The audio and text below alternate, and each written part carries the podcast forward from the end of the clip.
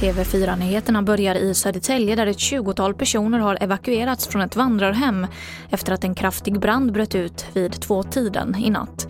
Personal från fem brandstationer deltar i släckningsarbetet som fortfarande pågår och en man är gripen misstänkt för grov mordbrand.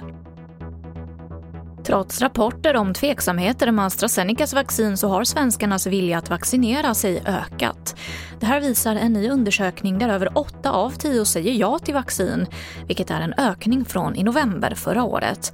Och de flesta tycks inte bry sig om vilket vaccin de får. Den 31 augusti i år införs amorteringskraven för bolåntagare.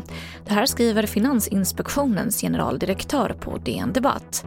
Man beslutade att tillfälligt släppa på amorteringskravet under våren förra året på grund av coronakrisen.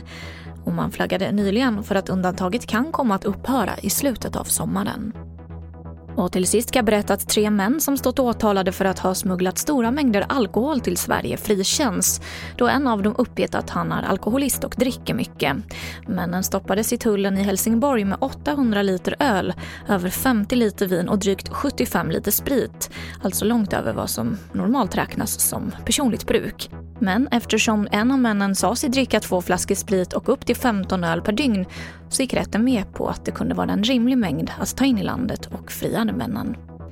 Och det var det senaste från TV4 Nyheterna. Jag heter Emily Olsson.